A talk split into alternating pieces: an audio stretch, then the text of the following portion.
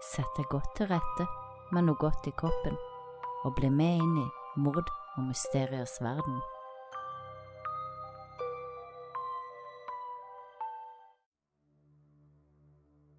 Hei, og velkommen til en ny episode av Mord og mysterier. Nå er det siste episoden før påska.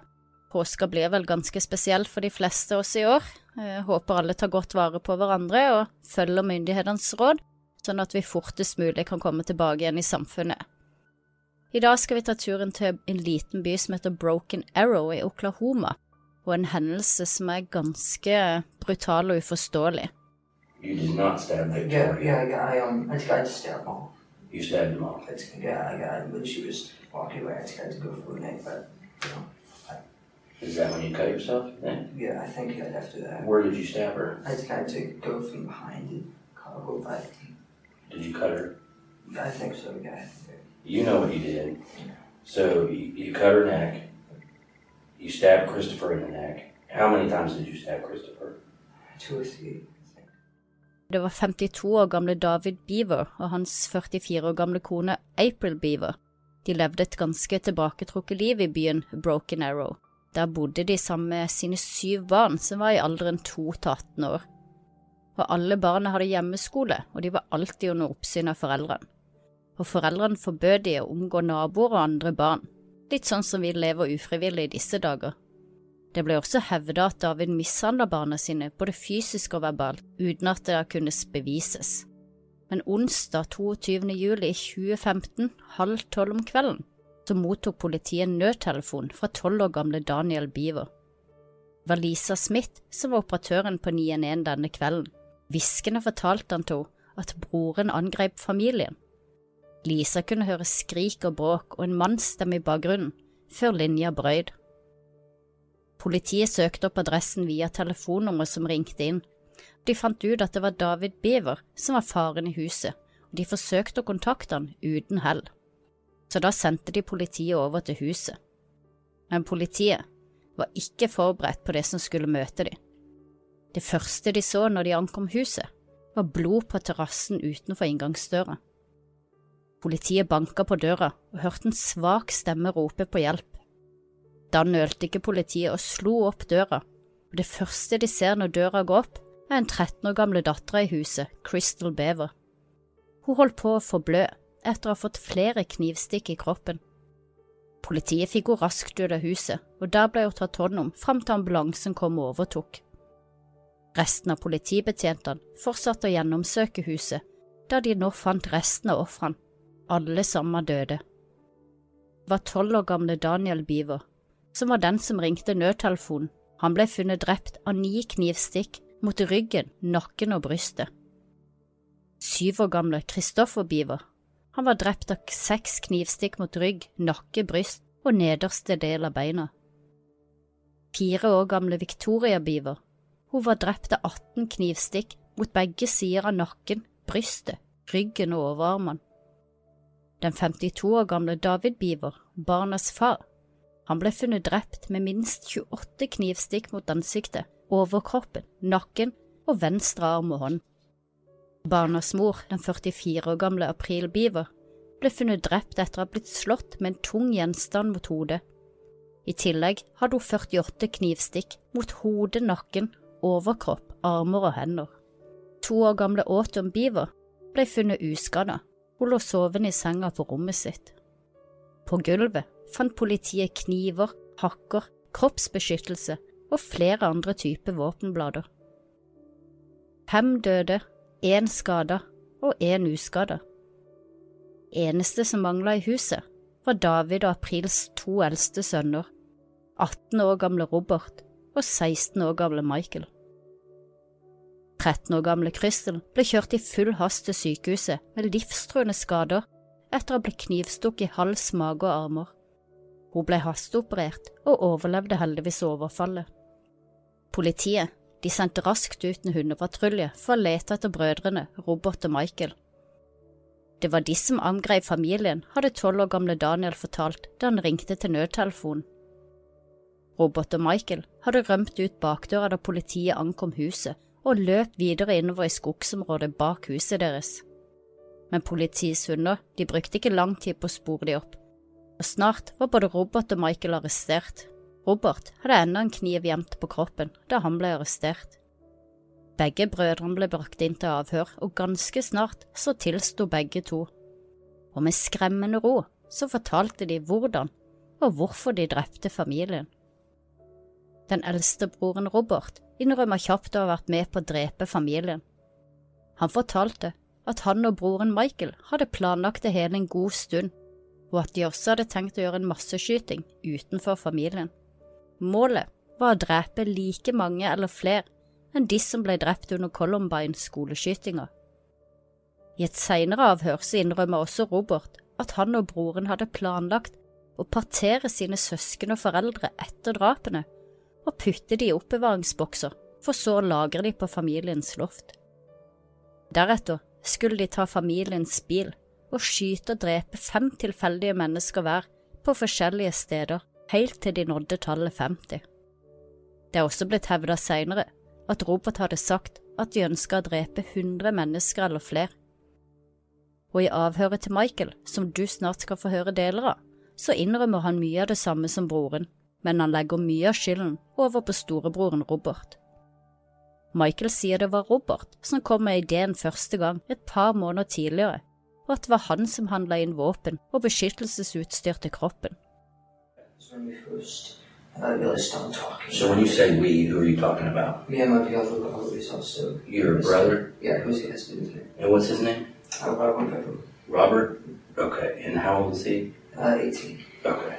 All right, go ahead. Sorry. Uh, a couple months ago, I think it actually started this year, we started talking about uh, voodoo and rampage and stuff like that. Okay. And I didn't take it seriously at first, but then he started buying like a body armor and stuff. Where did he buy body armor from? eBay and Amazon. Oh, okay. Yeah, legal. Does Yeah. he have a job? He did at Mike Tech. He quit at the start of the year. Um, and uh, basically, it just kept escalating. He kept getting burned, and he asked if I wanted any, and I said yes. So he got me my own set. Okay. And then about a month, about like June 30th, is when he came to me and said he found out that he can legally buy guns without permit in Oklahoma. That he could, Okay. and uh, that's when he started planning. And um, Did you, now you said he bought body armor, but you kind of said like a bunch of stuff. Did he buy, what else did he buy besides body armor? Um, besides body armor, knives, and he was in the middle of buying guns and ammunition. I see. Okay. Where did, where did he buy the knives from? eBay too. Okay. Can you tell me like how many knives or what they look like or anything like that? I think he had about three normal knives and then one small came packs. I neste klipp forteller Michael kaldt og rolig om hva som skjedde bare åtte timer tidligere, da han og broren drepte nesten hele familien sin. Han forteller om hvordan han knivstakk sin ni år gamle bror Kristoffer til døde inne på badet, og at han håper at lillesøsteren på fire overlevde. Han forteller hvordan mora kom inn på rommet etter at broren hadde kutta lillesøstera på 13 over halsen, og hvordan hun ropte på mannen sin og ba brødrene ringe politiet før Robert gikk til angrep på mora. Han forklarer hvordan han knivstakk henne og løp etter henne i huset. Han forteller også hvordan han så Robert kutte over strupen på faren deres før de gikk løs på lillebrødrene sine, Daniel og Kristoffer. Kristoffer hadde gjemt seg inne på badet sammen med lillesøstera på fire år, Victoria. Michael forteller hvordan han fikk broren til å åpne døra før han drepte Kristoffer, som lå skrikende på badegulvet. Og som du skal få høre nå i lydklippet, så vil du høre at Michael er skremmende rolig mens han snakker om hva han og broren gjorde, og flere ganger under avhøret så drar han også på smilebåndet. The whole room is downstairs. It's towards the back the Okay. And so she fell down and started screaming. Yeah, of them kept stabbing her. I kind of freaked out because, you know, hmm I wasn't planning on Were you this. saying anything or, I mean, I just stood there. okay. And then mom came in yelling, call the police. And then he went over and stabbed her. Then he stabbed her. Yeah, he probably stabbing her, pushed her, you know, further down the hallway. And got up and ran. Okay. She ran out the door. When now, okay, so she sat down at your desk. And he slit her throat. You Well, she said, was standing in my desk and Oh, he came up behind and slit her throat, and then she fell down screaming. and then he stabbed her some more.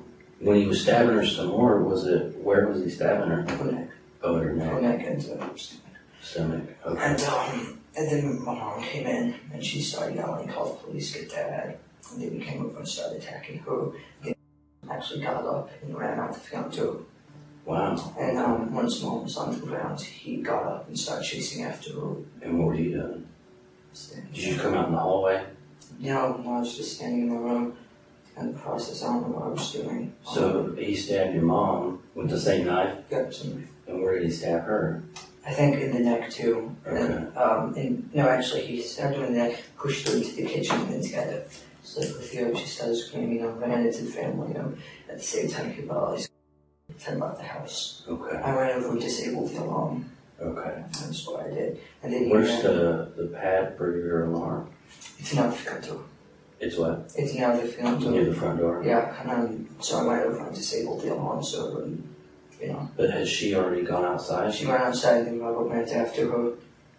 So where where did she? Uh, She she was laying in the driveway and he to go her back from you know the bench, you know, for the road um, started choking her. at And the, on the bench out Yeah. front. Yeah, it was like a little bench and he threw bench on her and went back inside to go after the little kids. Did he bring her in, or did she stay out there? She stayed out there until he asked me to be in her I ran out. I had to go inside, that's why she's in the um in the way. I had to go inside. She Oh, you still- brought her back. in. Yeah, Was she she was still still- alive? Yeah, she was still screaming. And then that's about the time Dad came down Okay. because his bedroom's upstairs. And he went back in the boys' area where Robert was. Boys' area is what they call it, um, our room. Um, they started attacking there. They got a little, bit of fight, um, but then eventually Robert got him down and um, I think he killed him. Did he cut his throat too? Um, where did that happen? In our room. In your room? Yeah. And uh, where were you? I was standing in the hallway. Okay. So did you see him cut your dad's throat? Yeah. Did he stab him other places too? I don't know, I think he just went for the throat. And um, And where was she? Was in the entryway. Yeah, she was. In, I think she was in the Instagram at that time, and then um, and then he went and and uh, Daniel was in uh, his room, which is you know down the hall, and I was like, how let me. How old's Daniel? Oh, um, I think he's I think he's twelve, Okay. and um, I was like, let me in, and he let me in. He was sitting on the phone with the police. I grabbed the phone, you know, which is my phone. He got my phone, and then I ran into the kitchen and I smashed the underground. So Which was your phone? Yeah, it was my phone. Ugh. I don't have a cell phone anymore. Um, and then I went back down, and he, um, and Daniel and Christopher, Christopher locked himself in the bathroom, Daniel locked himself in Dad's office. Okay. And then I finally got both of them to open the door, um, because they thought I wanted in there. Just But they were in different rooms. Yeah, they're right next to each other. Right? Oh, I see. And then um, Robert went in and stabbed him, they went in and uh, stabbed Christopher. That's that's when I stabbed Christopher. So when he stabbed Daniel, where did he stab I think he um, shanked him in the neck, and then Daniel ran off, and so I went in and started attacking Christopher. So Daniel got stabbed in the neck and ran off. yeah, Where did he you run to? He ran into the family room about mom. Mom ended up, she was lying on the ground yelling, call 911. Okay. And he stopped in there. Yeah, he lay, he collapsed in there, and then Robert came in and started stabbing him in the chest. Oh, I see. Um, then And then who's the youngest, the four-year-old? the four-year-old, I don't know what happened with her. I hope she's alive. I'm Right? sorry, And maybe I, I messed up. The, the one that you stabbed, who, who was that? Christopher. Christopher, that's He's I'm a, trying to he's say. eight-year-old, think. He's eight. Ten. And he was in the bathroom. Yeah. So Daniel had got stabbed in the neck, ran out Mhm. to where your mom was. Yeah. he- Robert followed him, stabbed him some more. Yeah, after after we uh, stabbed Christopher in the bathroom. Oh, I see. Okay. So what was what was Christopher doing when you stabbed him? He was laying on the bathroom floor. Robert was also stabbing him. Robert asked me to go over and help him. So I stabbed Christopher and then Where did you stab him? oh, stabbed him in the neck. Really? Okay. You okay? Yeah. You okay? Let me know if you need a break or anything. Okay. Um, so was Christopher still alive when you stabbed him? Yes. What was he saying and doing? He was just screaming. Screaming. Was did you say he was in the bathroom? Yeah, I was next to the toilet um, with that bathroom. Who else was in the bathroom? I think I think Victoria might have been in there. About Victoria, Yeah, my uh, four-year-old sister. four-year-old. Okay. I avhøret kom det også fram at motivet til brødrene var at de ønska å bli kjent, sånn som de som hadde drept 15 mennesker under skoleskytinga på Columbine, eller han som drepte 20 mennesker på teatret. Det kom fram at de ønska ei egen Wikipedia-side, og at media skulle skrive om dem. Og det målet oppnådde de, men målet om å drepe flere mennesker enn de mest kjente massemorderne klarte de heldigvis ikke å oppfylle. Etterforskeren spør også Michael om han har et hat til samfunnet, men sier nei til det. Det var mer spenningen og fascinasjonen for andre skoleskytere og seriemordere som trigga de. Tell me more about making plans and what you guys talked about. Making plans, we uh, plotted every night, and I started as we were actually going to do this thing on the second night. And so I started getting ready. When was that? You second night. What do you? July 1st, Okay. because we started June 30th. That's when you started making the plan. Yeah, that's when we found out you could buy guns legally. I see. Did you guys draw, make drawings, or write things down, Or? I think he had a journal. He was writing his ideas down. I think it's under his bed. under his bed?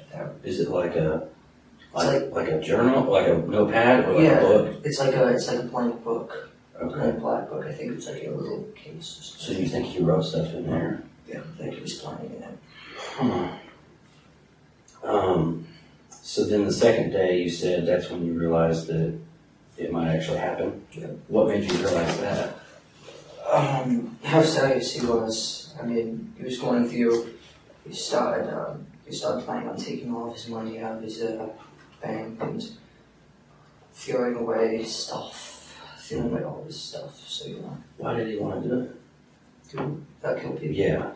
Um, well, it's mainly two reasons. I think it's um because he just like says he hates everyone. He thinks society is pointless, and so he wanted to kill people. Yeah, And also he wanted to like beat um, beat the kill like amount of other famous people like Columbine and uh, James Egan Holmes. okay. Did you kind of feel that way too? Like when you guys were talking earlier, like Yeah, it, like do you have a problem with society too? Do you think? no, no, I just Or you were just more like the the number of people getting killed was kind of interesting and yeah, I wanted to- exciting. Yeah. Okay. You mentioned a couple names of are those like serial killers or something? What like Columbine? Yeah. Uh, Columbine and James Egan Holmes. James Egan Holmes is a guy that shot up the theater. In Colorado. Yeah, he killed 12 and uh, Wow. How many were killed in Columbine? Columbine, I don't know, like 15, I Okay. think. Um. So did you guys have a goal? Did you have a number? He just wanted, I think he wanted to kill like 50. Okay. Jeg legger en link i beskrivelsen til avhøret hvis du har lyst til å se det i sin helhet. Myndighetene i Broken Arrow har uttalt at disse drapene er det verste som noen gang har hendt i hele byens historie. Begge brødrene ble begge sikta for fem tilfeller av overlagt drap. I tillegg ble det bestemt at Michael skulle bli tiltalt som voksen, men være fritatt for dødsstraff siden han var under 18 år da drapene ble utført. Michaels advokat prøvde å få han tiltalt som et barn, og argumenterte for at så lenge han kunne dømmes til livstid i fengsel, så ville han dø der, og det var i praksis det samme som dødsstraff. Han mente at Michael heller burde bli rehabilitert istedenfor fengsla, siden han ble fysisk og psykisk mishandla hjemme. Dette på tross av at det ikke lå noen sterke bevis til grunn for å hevde at barna ble mishandla av foreldrene. Den 17. juni 2016, nesten ett år etter drapene, så forsøkte den eldste broren Robert å ta sitt eget liv i fengselet ved å henge seg i sengelakenet. Men en av betjentene oppdaget han under en rutinesjekk, og han ble kutta ned i tide, og etter en undersøkelse ble han overflytta til en overvåka avdeling for fanger i fare for selvmord. Og etter flere utsettelser i saken ble brødrene endelig stilt for retten i 2018.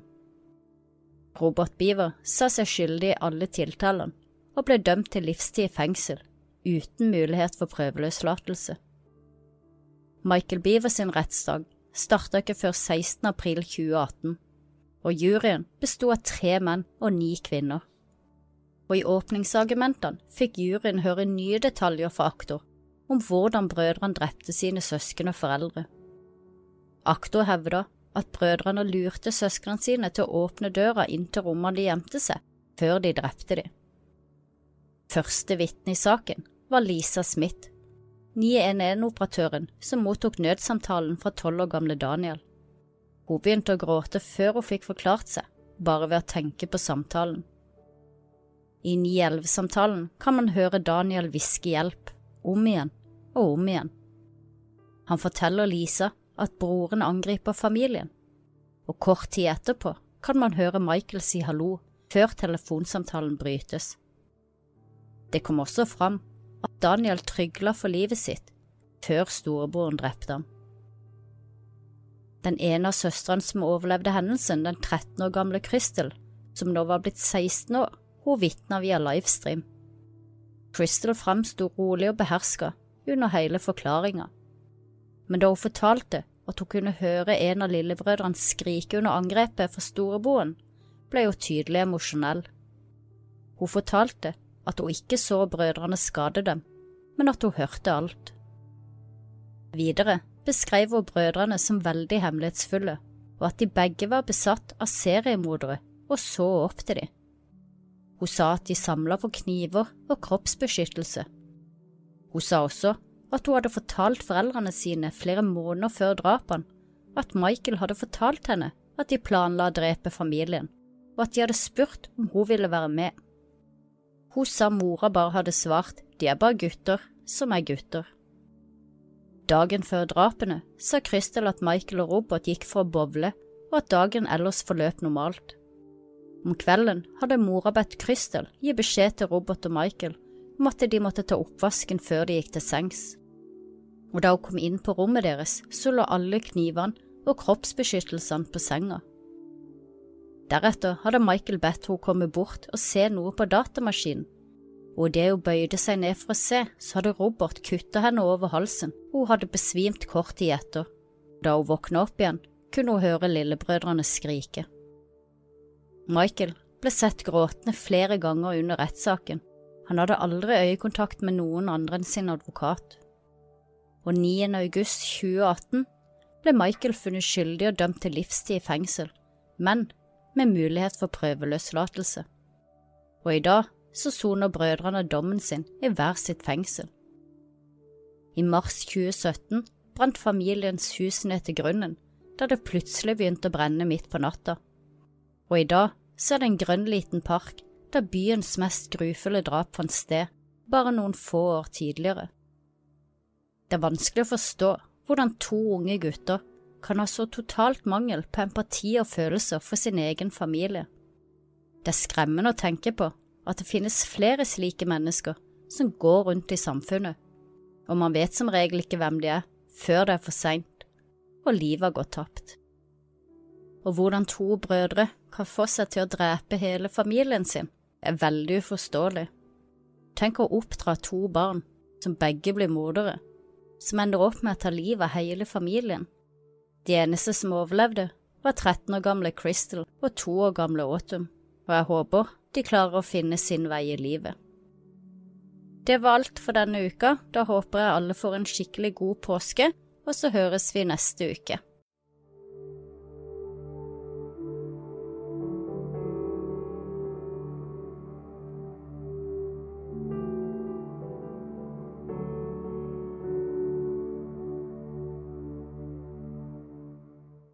Har du et enkeltpersonforetak eller en liten bedrift? Da er du sikkert lei av å høre meg snakke om hvor enkelt det er med kvitteringer og bilag i fiken, så vi eh, gir oss her, vi. Fordi vi liker enkelt. Fiken superenkelt regnskap.